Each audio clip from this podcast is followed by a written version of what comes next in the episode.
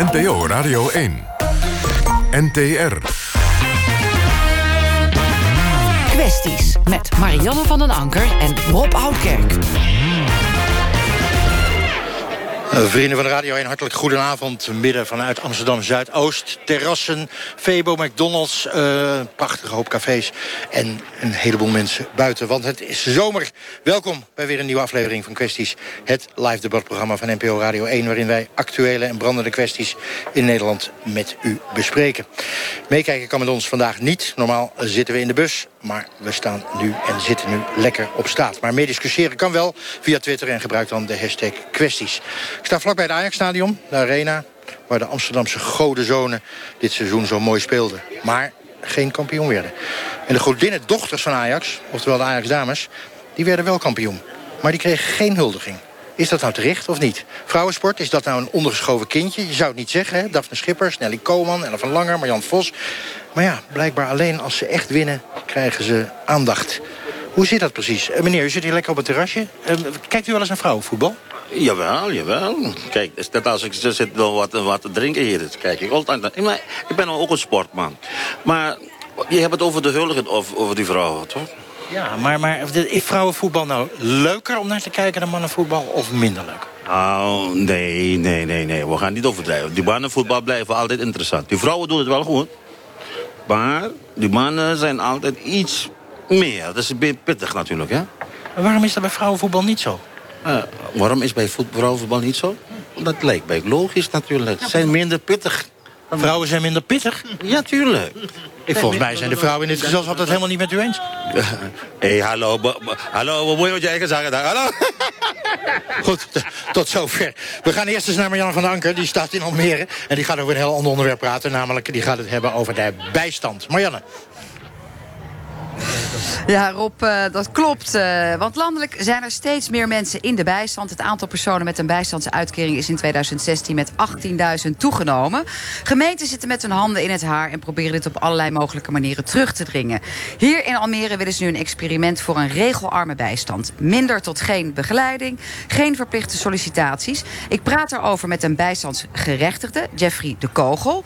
Ik praat er ook over, want let op, we gaan hier het natuurlijk hebben over de bijstand, maar we hebben ook voetbalnieuws met eh, eh, eh, Serge Soetekau, Gerge Soetekau van de Partij van de Arbeid en Ulies Elian van de VVD. Zij staan in dit debat tegenover elkaar, maar gisteren samen in het Almeres voetbalteam, zaalvoetbalteam. Alle gemeenteraden in Nederland hadden een competitie en ze hebben het Nederlands kampioenschap gewonnen, deze heren. Wat hebben jullie gewonnen? Wij hebben een bedrag van 2500 euro gewonnen... en dat eh, storten wij aan een goed Almeers doel, Stichting Wensjes. Fantastische prijs, ja. En dat zei uh, Jersje Soetekau van de Partij van de Arbeid... die dus ook dat idee heeft voor een regelarme bijstand in uh, Almere. Jeffrey, Jeffrey de Kogel, jij zit al een tijdje in de bijstand. Hoe lang?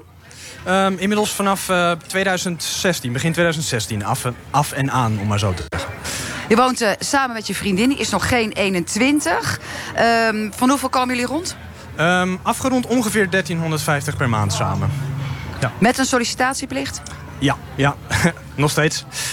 Hoeveel brieven al geschreven de afgelopen periode? Um, nou, ik denk vanaf begin 2016. Ik heb het een tijdje geleden geteld. Toen kwam ik rond de 250 uit. Maar ik denk dat het inmiddels helaas toch rond de 300 ligt. Enig idee waarom het jou, jou niet lukt om aan een baan te komen? Um, ja, inmiddels wel. ik heb natuurlijk heel veel over nagedacht, want het frustreert enorm.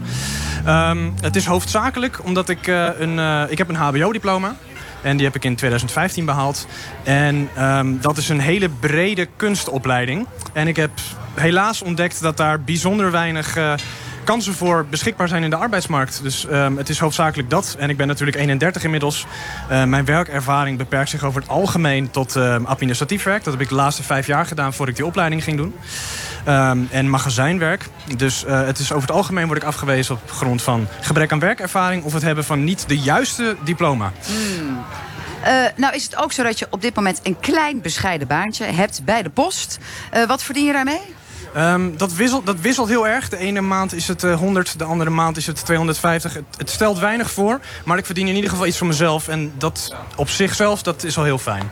Er zijn er gemeenten die nu uh, experimenteren met tot een bepaald bedrag van 200, 300 euro bijverdienen. En dat mag je dan zelf houden. Is dat hier in Almere geregeld voor jou? Um, Nou, zover ik weet uh, niet.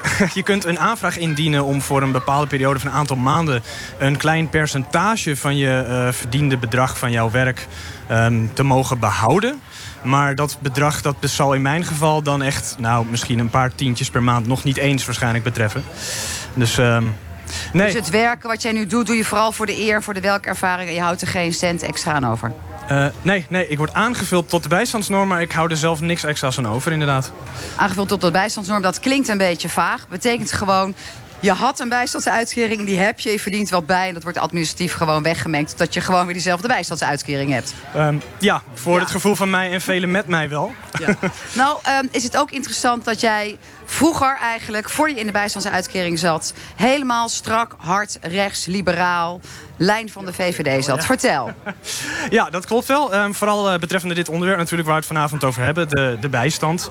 Um, ben ik ook altijd van mening geweest. Ik ken een, uh, een paar mensen in mijn leven die in de bijstand zaten of hebben gezeten.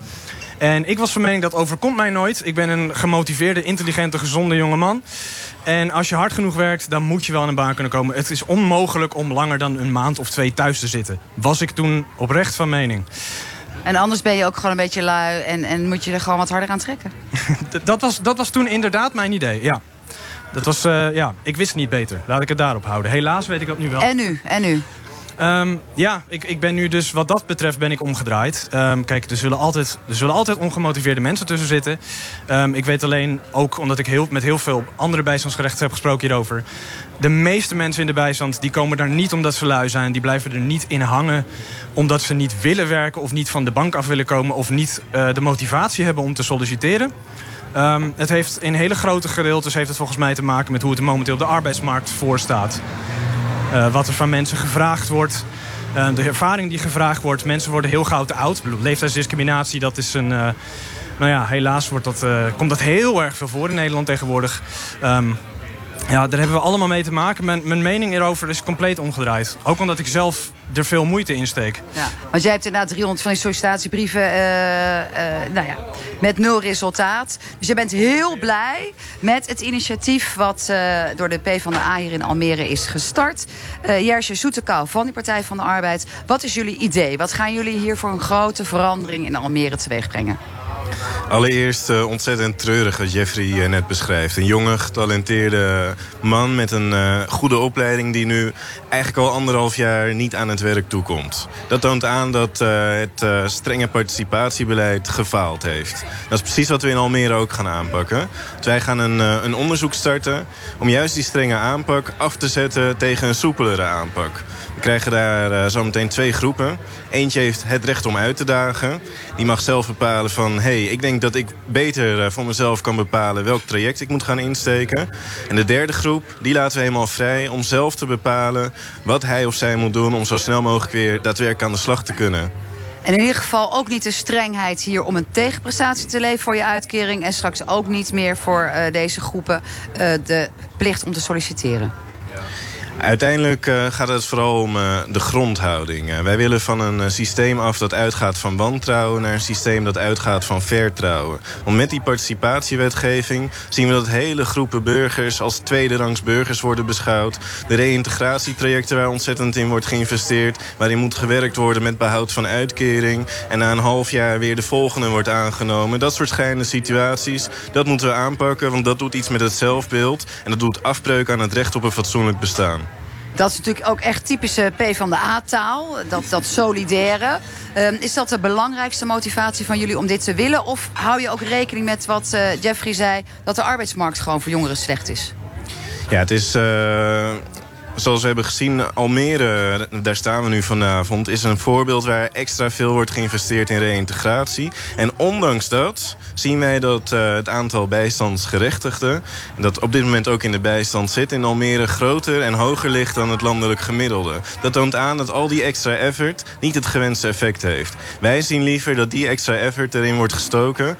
om er inderdaad voor te zorgen dat er meer werkgelegenheid is. Dat zei uh, Jersje Soeteka van de Partij van de Arbeid. Gaat in debat met uh, zijn VVD partner. Gisteren nog bij het zaalvoetbalkampioen. Maar nu inhoudelijk tegenover elkaar.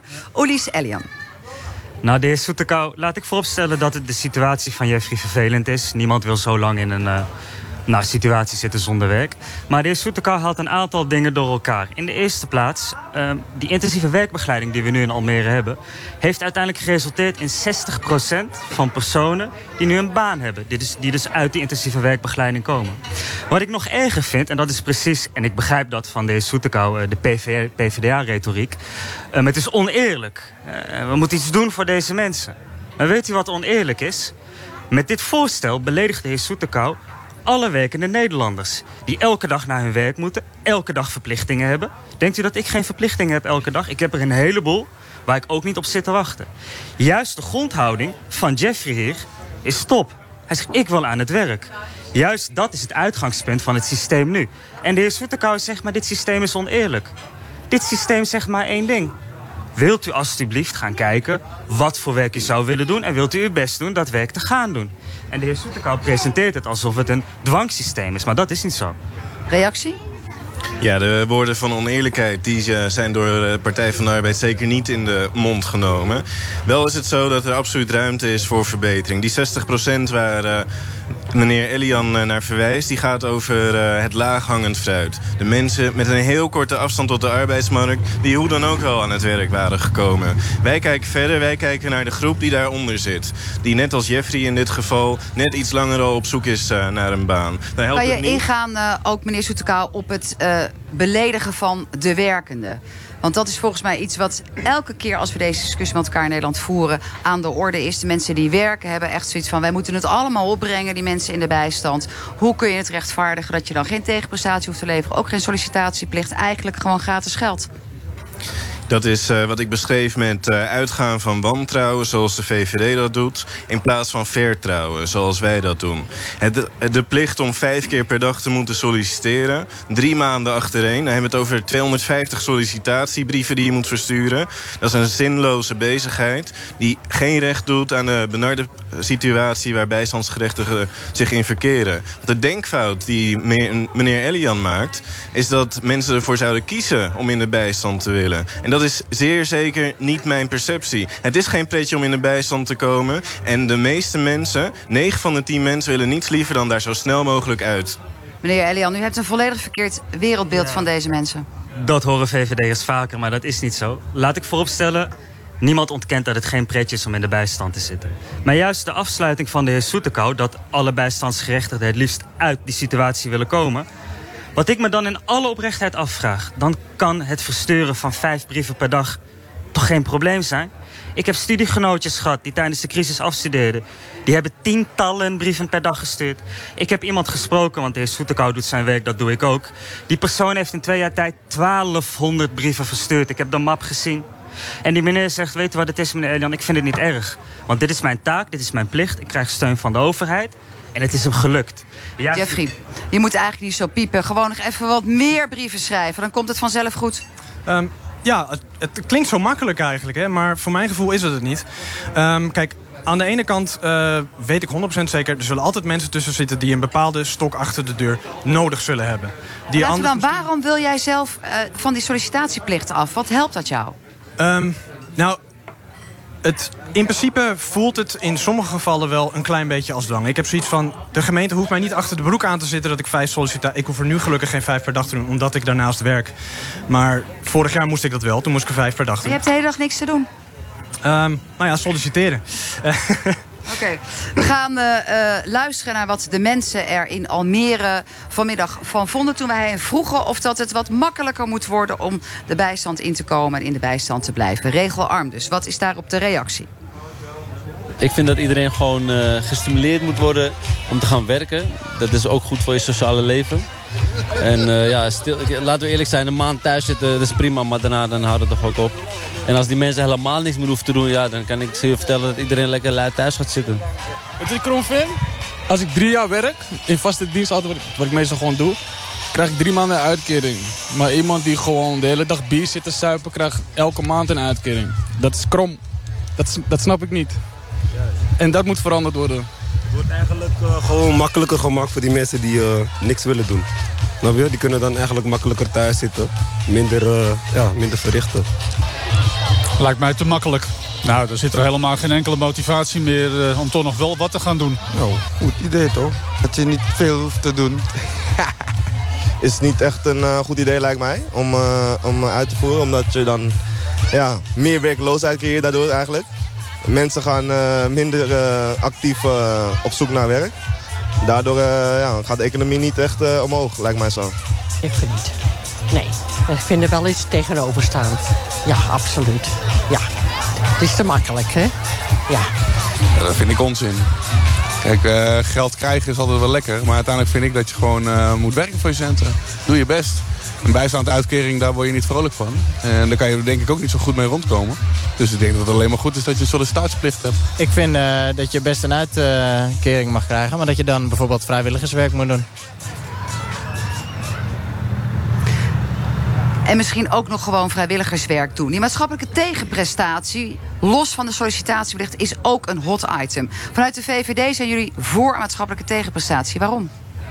Het is helemaal niet gek dat op het moment dat je een beroep doet op steun van de overheid, de, de- diezelfde overheid ook een kleine tegenprestatie terugverlangt. En dan moet je ook een onderscheid maken in personen met een grote afstand tot de arbeidsmarkt, personen met weinig afstand. Die personen met weinig afstand moet je juist duwen in de richting van kom op, Stuur die brieven, pak die kansen. Maar personen die verder van de arbeidsmarkt staan en die steun krijgen, is helemaal niet gek. Dat is ook, als je het hebt over solidariteit, het is helemaal niet onrechtvaardig om van die persoon ook iets terug te vragen. Solidariteit, meneer Soetekau, is ook iets terugdoen voor je uitkering. Dan hoef je misschien niet te solliciteren, maar dan kan je wel vrijwilligerswerk doen of iets anders in de plantsoenen. Solidariteit aan ons als samenleving. Wat vindt u daarvan? Hartstikke leuk, die solidariteit. Maar die gaat ten koste van wat vroeger echte banen waren. Ik zie solidariteit in eh, de plantsoenendienst... waar vroeger echte banen voor waren. Ik zie solidariteit als het gaat om de straten schoonvegen... waar vroeger echte banen waren. Dat maar maakt daar dan ook extra baantjes van? Is de PvdA daar niet voor bereid? Ik zou veel liever de middelen die wij nu keihard besteden aan eh, de plichtoplegging voor, eh, voor een tegenprestatie. En voor eh, de sollicitatieplichten die we hebben. Die zou ik veel liever besteden aan het genereren van meer werkgelegenheid. Nou, dat waren de politieke reacties. We sluiten af met jou, Durfie de Kogel. Want jij hebt natuurlijk nu nog die uitkering. Gewoon iets terug doen, een vrijwilligersbijdrage. Dan hoef je niet te solliciteren, maar gewoon lekker wat terug doen. Ben je de hele dag bezig. Nou, ik zal eerlijk gezegd liever mijn tijd besteden aan het vinden van een baan waarmee ik mezelf kan houden en niet meer afhankelijk hoef te zijn. Want afhankelijk zijn is een van de vervelendste dingen. En ik ben oprecht van mening dat de meeste mensen geen niet zo'n harde stok en zulk veel dwang nodig zullen hebben om zelf uit die uitkering te komen, omdat ze niet langer afhankelijk willen zijn.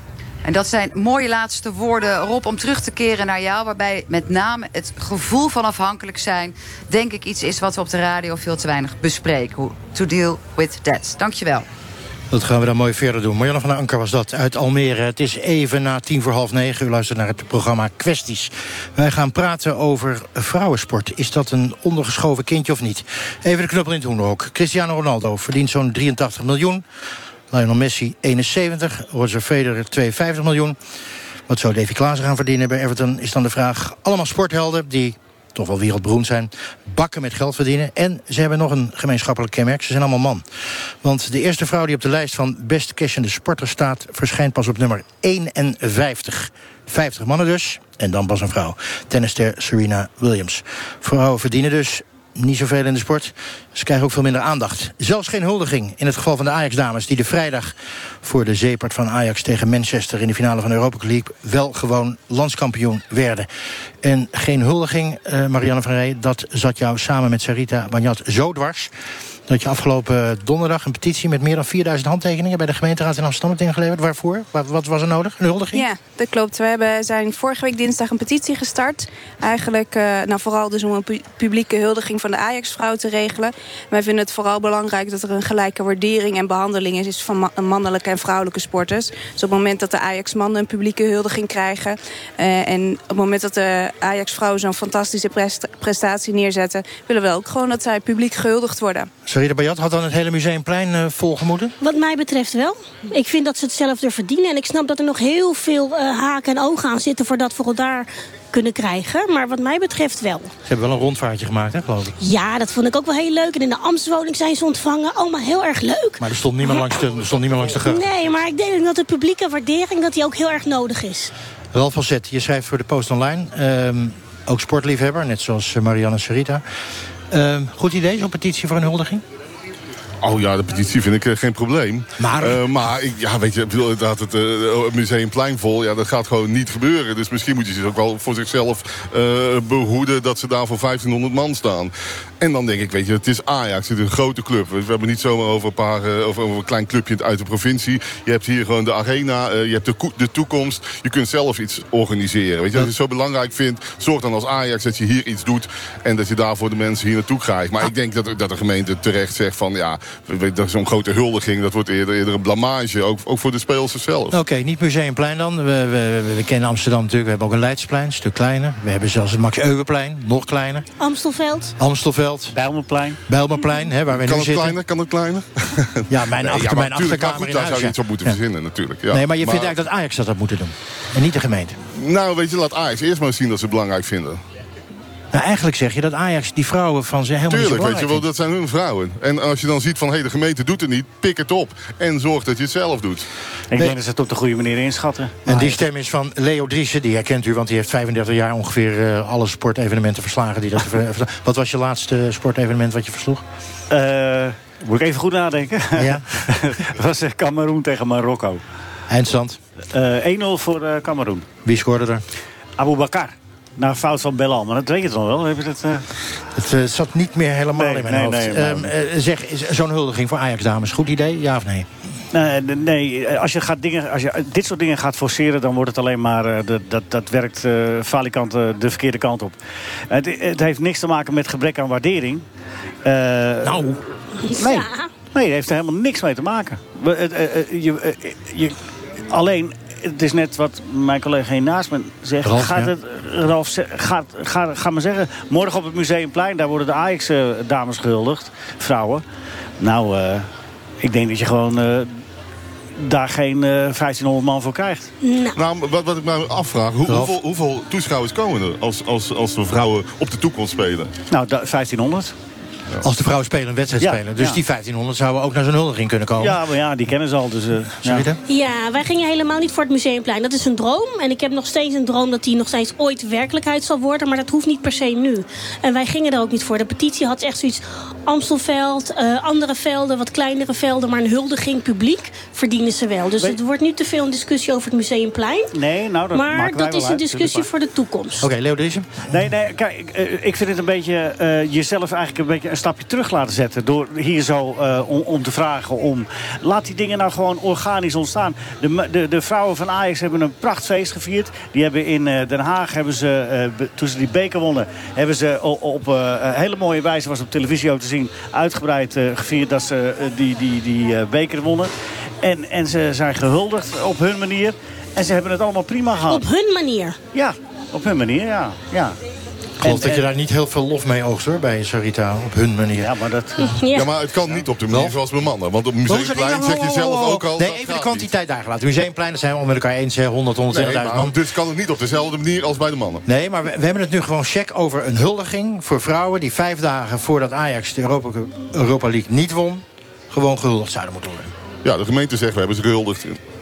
Ik denk dat we ook juist hebben gezien door de petitie op te starten... hoeveel mensen ook een steun hebben uitgesproken. En ze hebben dus meer dan 4000 mensen gezegd... wij vinden het ook nodig dat die Ajax-vrouwen publiek gehuldigd worden. En daarmee zeggen ze dus ook... wij gaan gewoon komen op het moment dat dat, dat gebeurt. En je ziet het bijvoorbeeld nu ook met het EK vrouwenvoetbal. Al die poolwedstrijden zijn allemaal uitverkocht. Dus er is toch wel aandacht voor. Ja, en er was, gisteren was een artikel in de Telegraaf... daar hadden ze een poll gedaan van, en daar stond in dat meer dan 71 procent...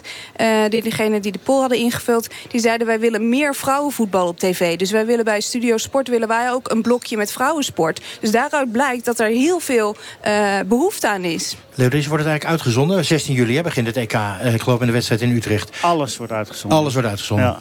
Nou, kijk eens aan, dat is één. En Ja, stel nou eens van de dat eerste we, tot de laatste minuut. en stel nou eens dat we Europees kampioen worden.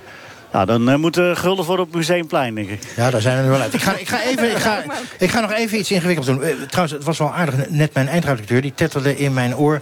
laat die vrouwen eens wat meer aan het woord. Hè, want dit werd toch weer een Oh ja, discussie onder mannen. Dat vond ik eigenlijk wel terecht, ja. Is zeker een vrouw, ja hoor. Maar nou even, maar nou even ehm, eh, Erik Dijkstra is niet bepaald een seksist. Eh, gaat een nieuw eh, sportprogramma maken, Bureau Sport. Eh, dat doet hij al, maar het wordt nu geheel gewijd aan de damesport.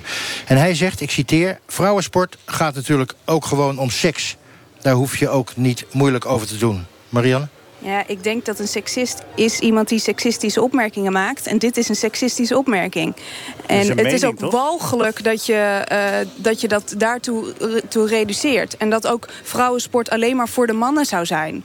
Ik vind dat Maar het is, echt... natuurlijk, eh, wel- het is wel heel, heel erg zo. Want ik denk de tweede vrouw op de lijst, ook al is ze één of twee jaar geschorst, zoals, zoals Sharapova zijn, ja, die, die koketteert ook met haar vrouw zijn, met haar sexy zijn. En weet je, die verdient vooral heel veel geld met reclame. Bijna net zoveel als Nadal en Federer. En dat komt natuurlijk gewoon puur om hoe ze eruit ziet. En, en dat, dat is ook iets waar ze, wel, waar ze, waar ze zelf ook wat ze zelf etaleert. Maar het is wel ook. interessant wat je zegt. Vraag ik ook even aan de dames. Je ziet vaker dat vrouwen... eh Shaparova is een voorbeeld. Er zijn meerdere voorbeelden. Ik zag Inge de Bruin zelfs naakt over een strandrennen laatst eh, op televisie. Toevallig. zeg. Ehm, we- weet ook niet meer precies waarom dat was. Eh, had opeens 200.000 meer kijkers. Je ziet toch dat sporters van vrouwelijke komaf... vaker dat soort dingen doen dan mannen. Of heb ik dat fout, Marianne? Ik denk dat het nog steeds zo is. En dat heeft dus niet alleen in de sport dat vrouwen over het algemeen veel meer nog op een uiterlijk beoordeeld wordt, dus, worden. Dus dat is ook in de sport zo. Nee, snap ik. Maar dat, dat ze daar zelf aan meedoen. Hè? Met andere woorden, dat ze ook gaan poseren daarvoor. Ja, nou, dat is misschien ook een. Ik, bedoel, ik vind niet dat ze het per se niet moeten doen. Maar dat is wel iets heel anders dan zeggen dat je naar sporten, vrouwelijke sporters krijgt. omdat je daar, weet ik, voor opgewonden voor wordt. Nou, als je kijkt naar de Ajax voetbalvrouwen... die op een gegeven moment, zij verdienen iets wat een onkostenvergoeding per maand, 200. Ze moeten er allemaal, ze moeten vijf dagen in de week trainen. Ze moeten daarnaast nog een fulltime baan of studie hebben. Waar verdien je dan je geld mee? En op een gegeven moment werd er ook een Daphne Koster, een van de ex... eh, die, eh, die werd op een gegeven moment gezegd, zou jij dat willen doen? Zegt ze, ze kunnen mooie foto's maken. Maar ik heb echt geen zin om me helemaal naakt of bloot te geven. En daar heeft ze gewoon gelijk in. Vrouwen moeten ook beoordeeld worden op prestaties. We hebben hier een, mag toch wel zeggen, maar een topsporter in spe. In ons midden. Hoe oud ben je? 18. En je rugby. Ja. En je bent, eh, dat vertelde je net voor de uitzending, tot je zestiende eh, doe je dat dan met de jongens. En Mhm. daarna met de dames. Waarom eh, op je zestiende opeens die wisseling? Eh, ja, omdat de jongens dan eigenlijk fysiek te sterk worden en te groot. Dus dat kan je dan niet meer bijbenen. En dan ga je naar de dames. Is er aandacht überhaupt voor damesrugby? Steeds meer. Ik denk, ja, rugby groeit over het algemeen steeds meer. En er komt steeds meer aandacht voor het rugby. En ook steeds meer voor het vrouwenrugby. Dus dat, ja, ik vind dat wel positief. Jij luisterde nou even tien minuten heel rustig naar deze discussie. En wat dacht je toen? Eh, ik vind, ja, voetbal gaat over bedragen en dingen. Dat is veel, ja, heel extreem. En dat kan je eigenlijk met, ja, niet echt met een andere sport goed vergelijken. Dus ja, voetbal is een extreem voorbeeld. En ik denk dat rugby ja, aan een andere, hele andere kant zit. Maar ja, voetbal en rugby zijn twee uitersten. En Eh, sommige landen niet, hè? Daar is rugby weer populairder dan voetbal. Dus ja, ja, alleen ik denk wel twee uitersten in het verdienen van geld. Dus ja, ik vind al, ja, ik heb zelf niet, ja, vind voetbal leuk om te zien, maar verder heb ik er ook niet. Oké, nou hadden we het even de laatste mee. minuten over het eh, misschien wel koketteren van vrouwen met hun uiterlijk. Eh, los van dat ze daar altijd meer op beoordeeld worden dan mannen. Is dat iets wat jij ook merkt? Mm, ja, in het rugby sowieso niet echt. Daar gebeurt het weinig. Maar ja, ik ben het wel met Sarita eens. Ze moeten toch aan geld komen. Ja, als je niks krijgt en je moet daarnaast nog werken als je vijf dagen per week traint. Ja, dat is gewoon zwaar als je ook nog goed wil presteren. Dus ik kan begrijpen dat sommige sporters dan de keuze maken... eh, om toch zo makkelijker aan geld te komen dan een fulltime baan te draaien. We gaan er zo over verder. Het is even na half negen. U luistert naar het programma Kwesties. We hebben het over topsport. En dan met name dames- of vrouwentopsport. Ehm weinig aandacht voor de prestaties van topsportvrouwen. Die vraag stelden we op straat eh, aan Amsterdammers. En deze Amsterdammer denkt wel te weten... waardoor het komt dat er zo weinig aandacht is voor vrouwen in de topsport. Wie bepaalt de programma's voor vrouwen? Dat is goede tijden, slechte tijden. Oh, nou, toch op. ja, Oh, nou. ik kijk er niet naar, maar jullie wel. Nee, absoluut Nee, ja, niet. Kijk, als Nee. iedereen wat wils gewoon. Nee, maar vrouwen die kijken weer een heel ander soort tv. En die gaan niet naar voetbal lopen kijken. Ja, een paar vrouwen, maar van, van, van de honderd kijken er misschien eh, vijf of tien naar het voetbal. Denk ik, want mijn moeder kijkt er ook niet naar. Mijn zusje interesseert het ook niet. Ik denk dat er überhaupt geen interesse is van vrouwen in Ik voetbal. denk het niet, nee. Absoluut niet. Nee, zeker niet. Eh, vrouwen hebben andere kwaliteiten. Maar geen voetbal. Vrouwen hebben andere kwaliteiten. Eh, Mara Servanten, eh 18 jaar. Speler in de Nederlandse Eredivisie voor dames rugby. Als je dit nou hoort, zo'n Amsterdammer, wat denk je dan? Ja, eh, jammer dat hij zo over vrouwen en over sport denkt. Ik denk dat hij best wel veel mist als hij zegt... ja, vrouwen kunnen niet voetballen en vrouwen hebben andere kwaliteiten. Het is toch jammer dat hij daar zo over denkt. En zich, ja, ik denk dan dat hij zich nooit echt verdiept heeft in de vrouwensport. Nou, er is er nog één. Ja, Wacht even, Ralf. Er is er Oh. nog één. Ik, ik wou je net het woord geven, maar je pakte het natuurlijk al. je voelde al je voelde aan welke kant het uit ging natuurlijk. Ehm, eh, jij schreef ooit voor de Post of, eh, online dat vrouwensport geen topsport is. Ja, precies. Heeft nog wel een, voor, een voorwoord, maar nee... Topsport voor mij is topsport het allerbeste wat er is. Het allerhoogst haalbare. En naar welke vrouw je ook kijkt... hoe goed haar prestatie ook is... je weet, er is altijd iemand beter en dat is een man. En dat, eh, Marijn de Vries, de wielrenster, schreef namelijk ooit van... eh, eh, dat ging dan over de uh, gehandicapt sport. Dat vond hij dan weer geen topsport, omdat het niet de top was. Wacht even, is En- interessant. Je zegt er is altijd er wel eentje beter en dat is de man. Nou herinner ik me Marianne Vos, die na de overwinning van Tom Dumoulin in de Giro zei... Sorry Tom, maar ik was in 2011 de eerste. Ja, maar als we tegen elkaar gaan, gaan, gaan, racen, weet je, het is geen vergelijk. Marianne Vos, die, ja, die, die, die loopt dagen achter als dat gewoon dezelfde race is. Maar wacht even, dus jij zegt omdat Tom Dumoulin krachtiger is en sneller is... en misschien meer spiermassa heeft, Ja, is waar het een het betere vandaan komt, weet ik niet. Maar het is natuurlijk wel zo. En het is, want ik zeg fysiek, maar het hoeft niet fysiek te zijn. Want noem mij maar de beste schaakster op welke eh, lijst van, van de ranglijst die staat. Oeh, dat is een overwinning, dat durf ik en, niet te en, zeggen, en maar- Dam ook niet. Nee, maar dat is ook, dat, dat- dus het heeft niet alleen met fysiek te maken. Even de drie dames vragen. Sarita. Ja, ik vind het een beetje kleinzerig om daar alleen naar te kijken. Omdat het om veel meer gaat. Kijk, vrouwen worden veel meer ondermand. Het heeft niet alleen te maken met een onkostenvergoeding die ze krijgen. Het heeft ook te maken wat ze daarnaast moeten doen. Ze worden bij niet gerepresenteerd in de media. En ook eh, als je kijkt naar andere eh, toekomstige topsporters. Ze worden heel erg betutteld. Bij vrouwenvoetbal in de jeugd zijn niet eens de scheidsrechters. Het is net zo'n cupcake cup. Dan denk ik, wat verwacht je nou van die vrouwen, joh? Zorg ervoor dat ze een beetje ambitie krijgen. Met andere woorden, ze worden niet serieus genomen. Nee, inderdaad. En dat hoor je hier ook, ja. Leo Driessen. Ja, ik wil het, eh, even... eh, eh, wat eh, Ralf net zegt, dat klopt wel. Hè. Er is altijd wel een man beter vanwege de fysieke gesteldheid. Maar er is een ander probleem met voetbal. Eh, je zou er niet aan moeten denken als je de mannen zou moeten zien voetballen toen het voetbal net begon. Dus laten we zeggen eind 19e eeuw. Eh, het, het, het mannenvoetbal heeft ook 100, ruim 100 jaar Pardon, ik word er helemaal emotioneel van. Ruim 100 jaar over gedaan om een beetje niveau te krijgen. Zelfs eh, net na de oorlog was het nog nauwelijks om aan te zien. En tempoloos en weet ik veel wat. Dus over 50 jaar is met vrouwen... Dat is het. Het is gewoon een kwestie van evolutie. En de vrouwen eh, zijn wat, wat later begonnen met het eh, voetbal serieus En met stemrecht en ook met voetbal. Daar komt Nou ja, neer. nee, het, klinkt, het klinkt heel seksistisch, maar zo is het niet bedoeld. Nee, nee, Vrouwenvoetbal, Als, je, als je inderdaad als je 10, 20, 30 jaar verder bent... is het veel leuker om naar te kijken dan nu. Want nu is het lang niet altijd leuk om naar te kijken. Zo Ja. simpel is het. Ja, ik vind die vergelijking eigenlijk helemaal niet zo interessant. Want er Ja, zijn die is ook wel interessant, heleboel- want het gaat erom Er of er mensen op heleboel mannen afkomen die zeggen... niet. ik vind het veel leuker om naar vrouwenvoetbal te kijken... want het mannenvoetbal is allemaal zo overdreven. Daar worden die schwalbes gemaakt. En dat vind ik gewoon niet Maken zo boeiend. vrouwen geen schwalbes?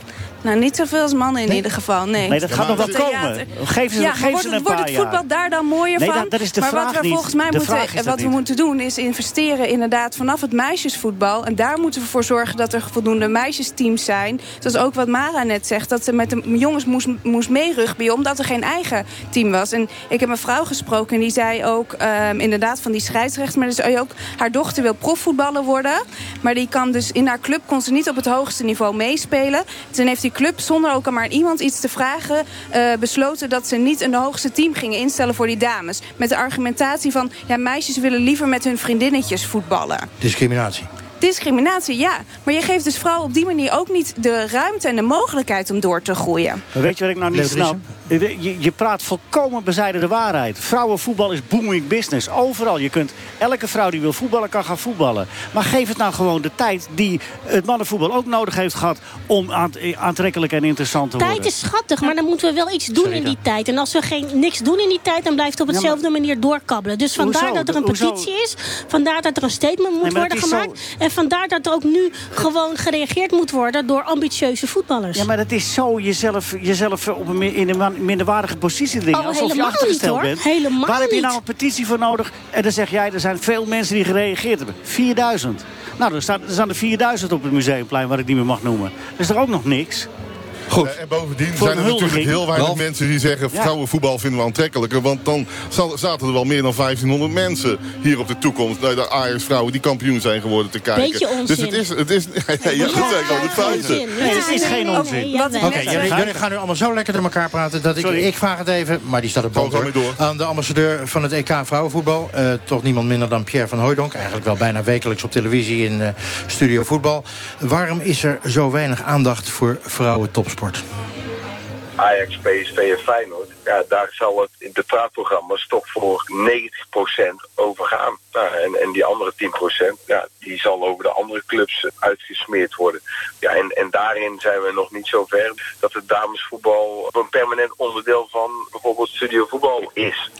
Rolf, zou het een goed idee zijn? Damesvoetbal gewoon permanent onderdeel van of studiosport. Hè? We hebben het erover gehad, 10 minuten. Of, of van studio voetbal, of welk programma dan ook. Nou ja, de publieke omroepen moeten ook dingen uitzenden eh, die niet populair zijn. Dus in die zin vind ik het wel, eh, het kan een goed begin zijn. Eh, Nee, maar er moet gewoon een blokje komen met vrouwenvoetbal. Lijkt me, lijkt, lijkt, lijkt mij wel evident. Maar weet je, maar nu hebben we dus Van Hooijdonk horen we. Ik bedoel, dit moet toch Vera Pauw zijn? Of, zie- of zie ik dat nou verkeerd? Grappig, want jij, jij hebt voorspellende gaven, die krijgen we zo namelijk. Oh, Maar die laten we nog goed. even Maar dat is niet het gezicht van het EK eh, vrouwenvoetbal. Dat, Nee. dat is natuurlijk toch wel weer vreemd. Maar is het nou ook zo dat, dat het eigenlijk zo is dat veel te veel mannen over vrouwenvoetbal praten... en dat we dat ook in de top meer aan vrouwen moeten overlaten? Nee, maar kijk, vrouwen moeten zelf naar vrouwenvoetbal gaan kijken. Weet je, als net zoveel vrouwen naar voetbal gaan kijken... naar vrouwenvoetbal als mannen naar mannenvoetbal... dan is het Maar dat is opgelost. hetzelfde alsof je zegt dat, dat vrouwen ook niet naar mannenvoetbal mogen kijken. Dat zou toch heel raar zijn? Iedereen moet toch naar, naar kijken waar hij naar wil. Als jij vrouwenvoetbal niet interessant vindt, moet je er vooral niet naar kijken. Ik kijk ook niet naar darten, vind ik ook niet zo boeiend. Maar daarom maar maakt het ook niet zoveel uit wat jij ervan vindt. Dan vind jij het toevallig ja, maar gewoon goed, dat vind ik toevallig wel heel boeiend. belangrijk.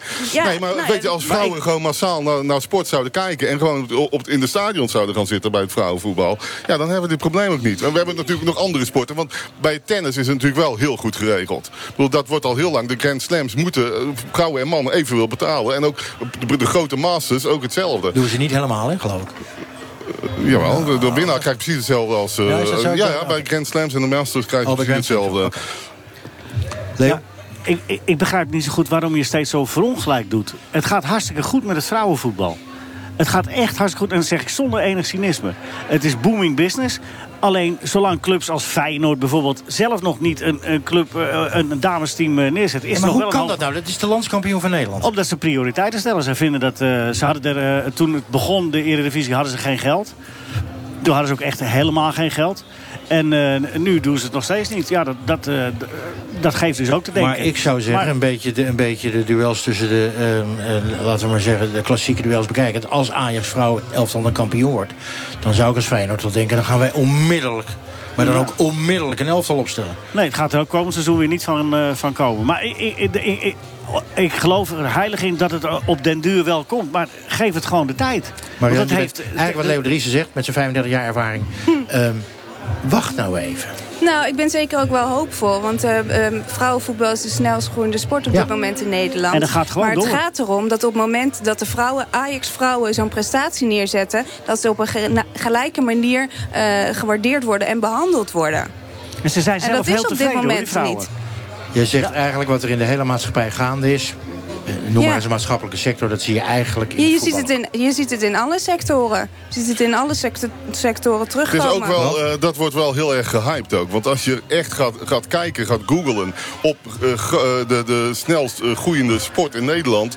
dan zijn er heel veel andere sporten die, die hetzelfde claimen. Dus eh, dat, dat, is al, dat is al een kwestie waar ik denk, hoe zit dat precies? Maar goed, ook paddle en, en yoga. Yoga zegt, nee, wij zijn de sne- snelst groeiende sport van, van Nederland. Maar als je naar de getallen kijkt, hè, 75.000 geloof ik leden, 10 jaar geleden. Nu al veel meer dan 130, 140.000. Bijna Dus dat- 150.000, ja. Op, op 1,2 Ja, miljoen. Dus dat verdubbelt zich wel. Totaal. Ja, wordt het wel populair. Nou, je hebt het net al aangekondigd, eh, dus we gaan er aan het woord laten. De voormalig bondscoach van de Oranje Vrouwen, Vera Pauw. Die maakt zich ook wel zorgen over de positie van vrouwen in de topsport. Zij pleit voor een serieus quotum voor vrouwen op managementposities in de topsport. Ik ben een groot voorstander van vrouwenquotum. Maar dan wel een echte.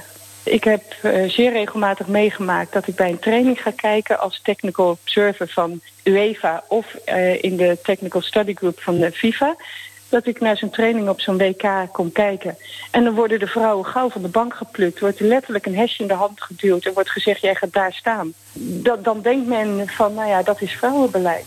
vrouwenbeleid. Sarita, zou dat eh, helpen? De positie van uh, vrouwentopsport verbeteren... als er meer vrouwelijke trainers en managers komen? Ik denk het wel. Ik vind het altijd lastig, quote. Maar als ik de onderzoeken bekijk, zie ik toch wel dat het enigszins effect heeft. Maar Waarom vind je het lastig? Wat, omdat je denkt, het is geforceerd? Ja, het is geforceerd. En ik denk als mediarepresentatie die meer doet... bijvoorbeeld door een huldiging of door echte aandacht eraan te besteden... of beleidsmatig iets te veranderen... dat er dan ook daadwerkelijk iets verandert. En dat wachten, dat zijn we op een gegeven moment van... joh, we leven in 2017, ik blijf niet wachten. Zo, en toen viel het even lekker stil met een prachtig plaatje hier op het Belmerplein uh, op de achtergrond. Zeg, uh, Leo, uh, veel gehoorde klacht van vrouwen is dat de sportwereld eigenlijk gewoon een old boys network is, hè? Oftewel, allemaal mannen. Klopt dat? Ja, nou ja, dat, dat is gewoon zo, ja. Maar het is niet omdat, omdat uh, bijvoorbeeld in het vak wat ik uitoefen... voetbalcommentator zijn... Uh, wij staan altijd open om, uh, om uh, vrouwen te entameren... om, om ook verslaggever te worden. Maar... Dat wou ik namelijk net aan je vragen. Niet. Ik hoor, overigens met veel plezier hoor, luister ik naar jou... en ook naar jouw collega's. Ik hoor nooit een vrouw. Nee. Wat is dat voor onzin? Ja, het is niet omdat we ze niet, niet, niet zouden toelaten... als ze, als ze goed zouden zijn. Is het geen leuk beroep of zo? Nee, het is hard werken. Is er geen, is, is er, is er geen enkele uh, sportcommentator? ja, er zijn, er zijn wel uh, vrouwelijke commentatoren. Want uh, bij, bij, tennis, bij, tennis en, en dergelijke. Ja, Marcella. Ja, ja. Die zijn, nee, maar zou het bijvoorbeeld helpen? Bij Ajax Manchester, geen lekker voorbeeld natuurlijk uh, qua uitslag... maar dat um, de, de commentator van dienst gewoon een vrouw is. Ja, en dat ik thuis was gebleven. Ja, ja, ja dat zouden een heleboel mensen, dat zouden een heleboel mensen heel nou, graag nou, nou, waarschijnlijk gewonnen, ja. Nee, maar even ja. los daarvan. Even los van de persoon Leo Driessen. Zouden dat soort dingen helpen? Ja, ik weet, ik weet niet. Uh, uh, in, uh, in Engeland hebben ze het een tijdje geprobeerd met, met een vrouwelijke commentaar. En die deed dan alleen samenvattingen bij Match of the Day. En daar waren ze allemaal heel lovend over. Maar na, na één seizoen was het er alweer vanaf. Maar ik vind het zo heerlijk dat we hier ook uh, iemand hebben die gewoon die topsport bedrijft. Jij, jij, je luistert weer tien minuten uh, heel rustig. Mm -hmm. Ik zie je af en toe non-verbaal reageren. Dat uh, kunnen de luisteraars niet zien. Maar vertel eens. Wat vind je nou van dit gesprek? Of vind je het allemaal geleuter? Ja, ik bijna begrijp... stom van Leo Driessen. Ja.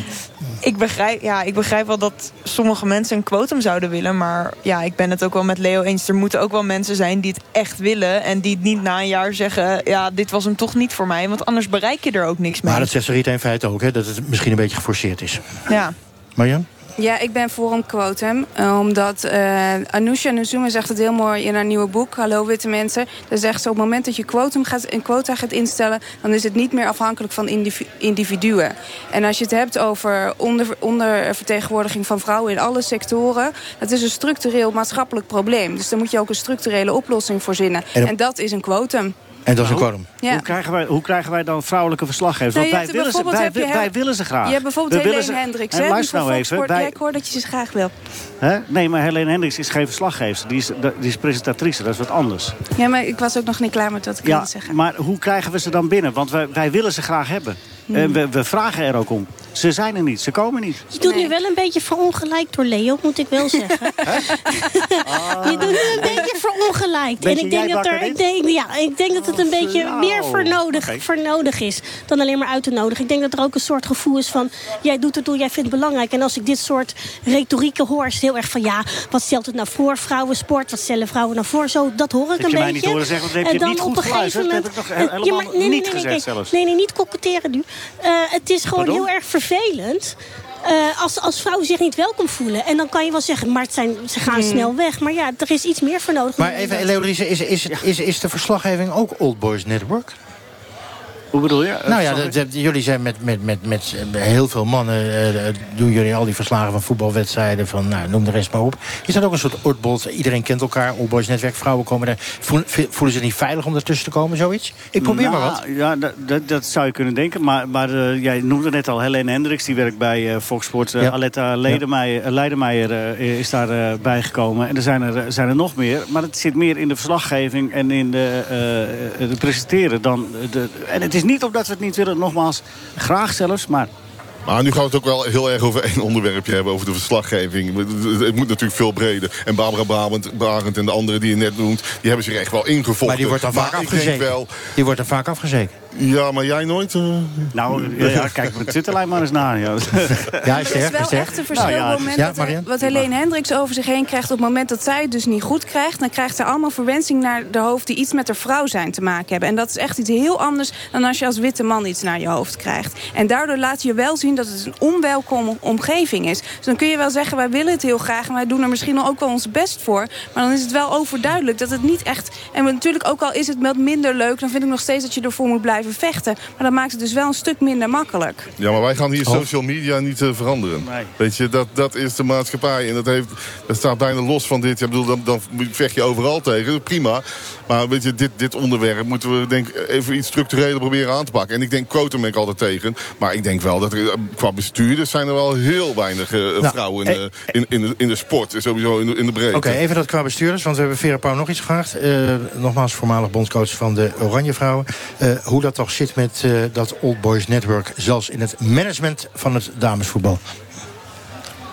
En nu probeer ik haar te horen, maar ik en op het moment dat dat succes er is en dat het blijkt dat het wel bestaansrecht heeft, dan komen er ineens mannen uit allerlei hoekjes die denken de vrouwtjes te vertellen hoe het allemaal moet. Dus een vrouw die trekt de boel op, het is een daverend succes en vervolgens wordt de vrouw opzij geschoven en dan komen de onervaren mannen die het mannenvoetbal geen plek hebben en die moeten het dan, ge- dan maar gaan doen, want dan moet er letterlijk is gezegd, dan moet er iemand komen met verstand van voetballen. Had C.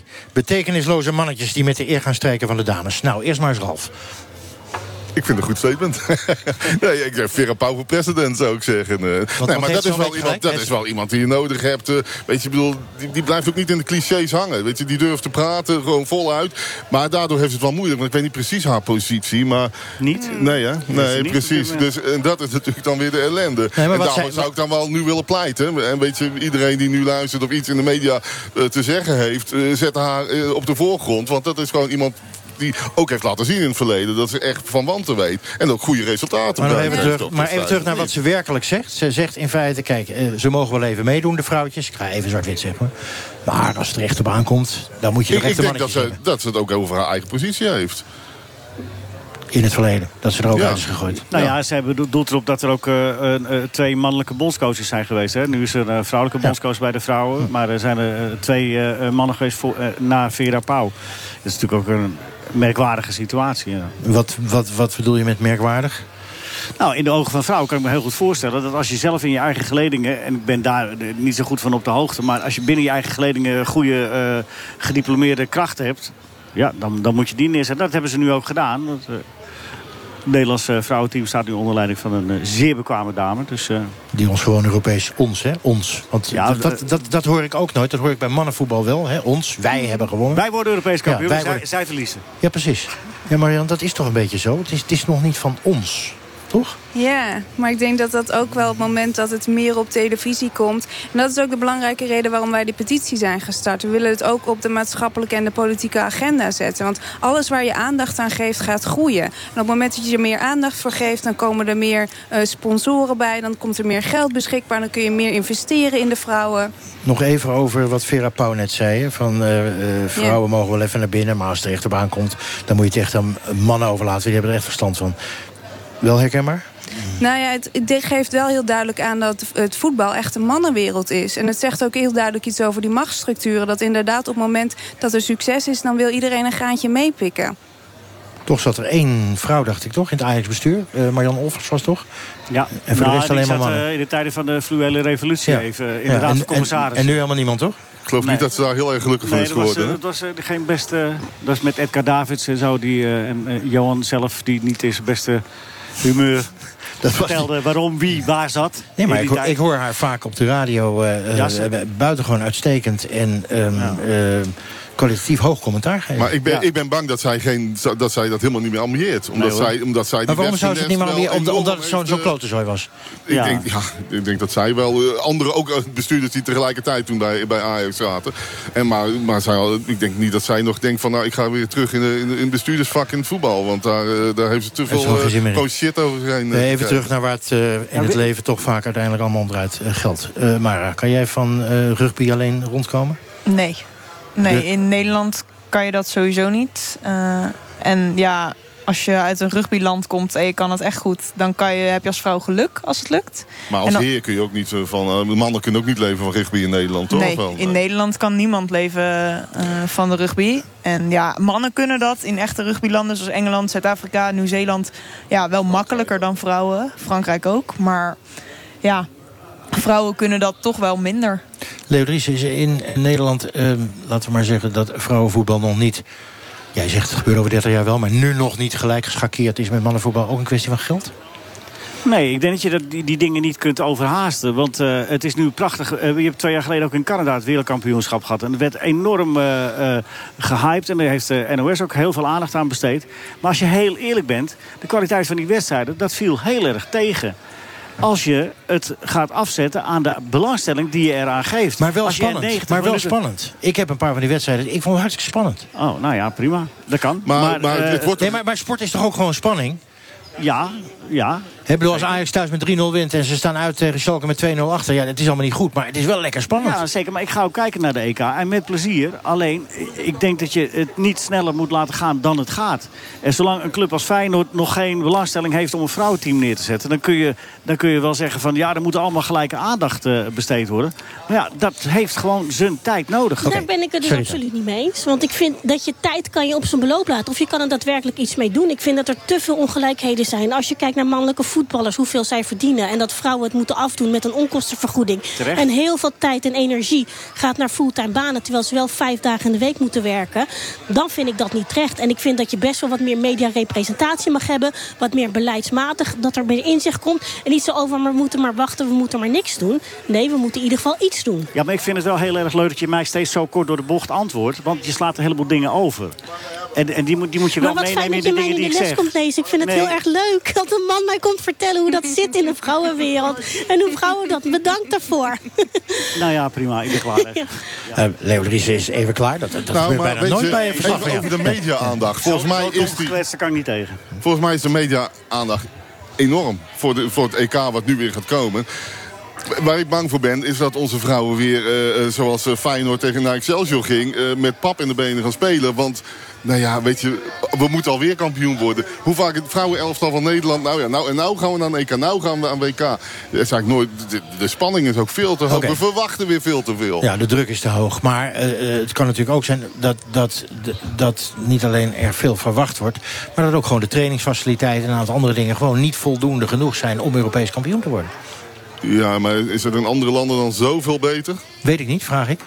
Ja, weet ik ook niet. Ik denk In het niet, eerlijk Amerika is het veel beter. In? Duitsland is het veel beter geregeld. Ja. En wat is er dan precies beter, Marian? Eh, De faciliteiten en eh, dus ook de financiële waardering die, die vrouwen krijgen. Maar je ziet het toch ook, wat jij net zei... de meest verdienende voetballer, eh, de mannelijke voetballer... verdient 83 miljoen. En de meest verdienende vrouwelijke voetballer... die verdient 400.000 euro. Ja, dat is toch ook niet met elkaar te vergelijken dan? Nee, maar de landen zijn ook... De, de, de, de- in Duitsland wordt, verdient de mannelijke voetballer ook veel meer dan in Nederland. En, eh, dus dat, dat loopt wel een beetje parallel met, eh, met hoe- ook de belangstelling... en de mogelijkheden en de commerciële mogelijkheden. En Naarmate in, land in groter is. Amerika is voetbal een vrouwensport. Hè? Dus heel groot onder vrouwen. En misschien, nou ja, mannen zullen misschien ook daar nog wel meer verdienen, ben ik bang. Maar ehm, ja, ook- het wordt gewoon gewoon gezien als je het over soccer hebt. Ja, dan heb je het ook over, over meisjes die, die, die sporten. Want de jongens gaan gewoon natuurlijk gewoon stoel honkballen of, eh, of, eh, of basketballen. Of, Nou, eh, daarmee is aangetoond wat ik eigenlijk al de hele tijd probeer te zeggen. Geef het de tijd zoals dat het in Amerika ook gedaan hebben. En het wordt vanzelf de sport die, je- die je eigenlijk vandaag al wil... maar die overmorgen er echt zal zijn. Marianne en Sarita die willen je die goed. tijd niet geven. Dat, dat is wel duidelijk geworden tijdens de uitzending. Eh, nou nog even iets anders. Eh, Davy Klaas is net voor 27 miljoen verkocht aan Everton. Dat is een leuk bedrag. We hadden het aan het begin van de uitzending over dat Ajax misschien iets moest organiseren... voor die dames die kampioen zijn geworden. Als je daar nou één promiel van besteedt aan een leuk feest in de stad... dan ben je toch ook klaar, denk ik, Marianne? Ja, dat lijkt mij een goed idee. Maar waarom doen ze dat dan niet? Nemen ze hun eigen vrouwen, dan Ralf zei dat een beetje... nemen ze hun eigen vrouwen dan... hun eigen vrouwen, ja, niet hun partners... maar hun eigen vrouwenvoetbal dan niet serieus genoeg? Nou, dat weet ik niet. Volgens mij wordt er vanuit Ajax ook voor vrouwen wel van alles geregeld. Maar en ik denk zeker als je het hebt over een publieke huldiging... dan moet dat natuurlijk ook samen met de gemeente eh, georganiseerd gaan worden. Ehm, maar ik denk dat het, zit allemaal met elkaar in verhouding. Op het moment dat het meer aandacht krij- krijgt... dan gaan ze ook dat soort dingen meer doen. Dus Nou is vrouwen topsport. Op het moment dat vrouwen echt prestaties leveren... toch niet ondergewaardeerd ten opzichte van mannen. Ik noemde in mijn inleiding al uh, Daphne Schippers. Ik, bedoel, ik geloof dat ze meer kijkers had dan uh, de Champions League finale. Op de nacht geloof ik was het dat ze liep. En ja, ze won helaas niet, maar toch. Dus hebben de media, vraag ik even aan Leo Driessen... niet ook een onvoorstelbaar grote rol om het wat populairder te maken? Ja, natuurlijk. Natuurlijk hebben ze dat. Maar die hebben daar ook eh, heel veel aandacht aan besteed tijdens de WK. En uh, als ze interland zijn, dan eh, zendt Fox uh, Sports zendt ze, altijd uit. Dan komen de EK. Nou ja, de stadions zitten niet alleen vol, maar er is ook weer voldoende... of meer voldoende, de, alle wedstrijden worden uitgezonden. Dus ja, wat, wat meer kun je doen? Nou ja, zo'n programma van Erik Dijkstra... of is, werkt dat juist contraproductief? Wat het alleen maar nee, ik, er zitten wat... Uh, maar Erik Dijkstra provoceert. Daar moet je af en toe een beetje doorheen uh, kijken volgens mij. Maar ik heb de eerste aflevering gezien. Die vond ik, uh, die vond ik zeer, zeer de moeite waard. Hij wil gewoon dat er meer kijkers komen. En daarom zegt hij het gaat voornamelijk over seks. Hm. Toch? Ja, dat denk ik wel. Dat, denk dat, ik wel. dat is eigenlijk gewoon Inge de Bruin... die dan naakt over de strand loopt. Daar komt eigenlijk een beetje op neer. Het zijn allemaal hetzelfde. Ja, maar was dat op te zien? dat is nou de tweede keer dat je het erover hebt. Ja, ik was er gefascineerd. Dat geef ik inderdaad toe. Waar zijn de beelden? Ja, die krijg je niet op de radio. ik ga jullie onderbreken met uh, hartelijk dank uh, voor jullie medewerking. We zijn benieuwd naar uw mening, dus discussieer met ons mee op Twitter... met de hashtag kwesties of onze Facebookpagina. Volgende week zondag zijn we er weer. Maar dan niet over vrouwenvoetbal, maar iets heel anders. Zometeen Radio Doc. Dat gaat over het vertellen van verhalen. Dat is nou niet zo eenvoudig. Um, een zoektocht naar de juiste vorm om je verhaal over te brengen... zodat iedereen ook echt naar je wil luisteren. Dat is een kunst op zich.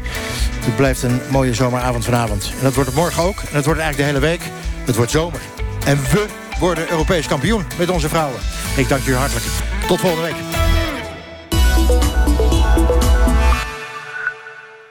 Bij Incentro willen we graag wat bekender worden. Vandaar dat we de Chinese overheid hebben gevraagd... om nog meer eilanden op te spuiten in de Zuid-Chinese zee. Maar nu in de vorm van het Incentro-logo. Ja, daar kan China dan 5000 euro mee winnen. We hebben alleen nog geen antwoord. Maar dat zouden we bij Incentro wel heel tof vinden. Incentro, een IT-bedrijf. Op dit moment kunt u naast NPO Radio 4... ongeveer 25.000 radiostations online beluisteren. Bijvoorbeeld Radio Fiji. Radio Fiji Haal het beste uit het internet met Access for All. De provider met het laagste storingspercentage. Kijk op accessforall.nl voor ons speciale aanbod. Access for All. First class internet.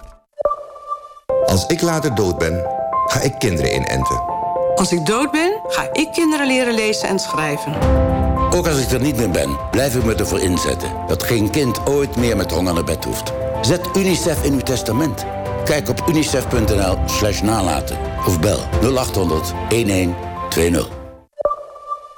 Holland Festival Proms. De feestelijke afsluiting van het Holland Festival. Van pop tot klassiek. Met Lucas en Arthur Jussen, het Radio Philharmonisch Orkest... Tom Jenkinson en The Nile Project. Op 24 juni in het Concertgebouw. Kaarten voor 10 euro per concert via hollandfestival.nl. NPO Radio 1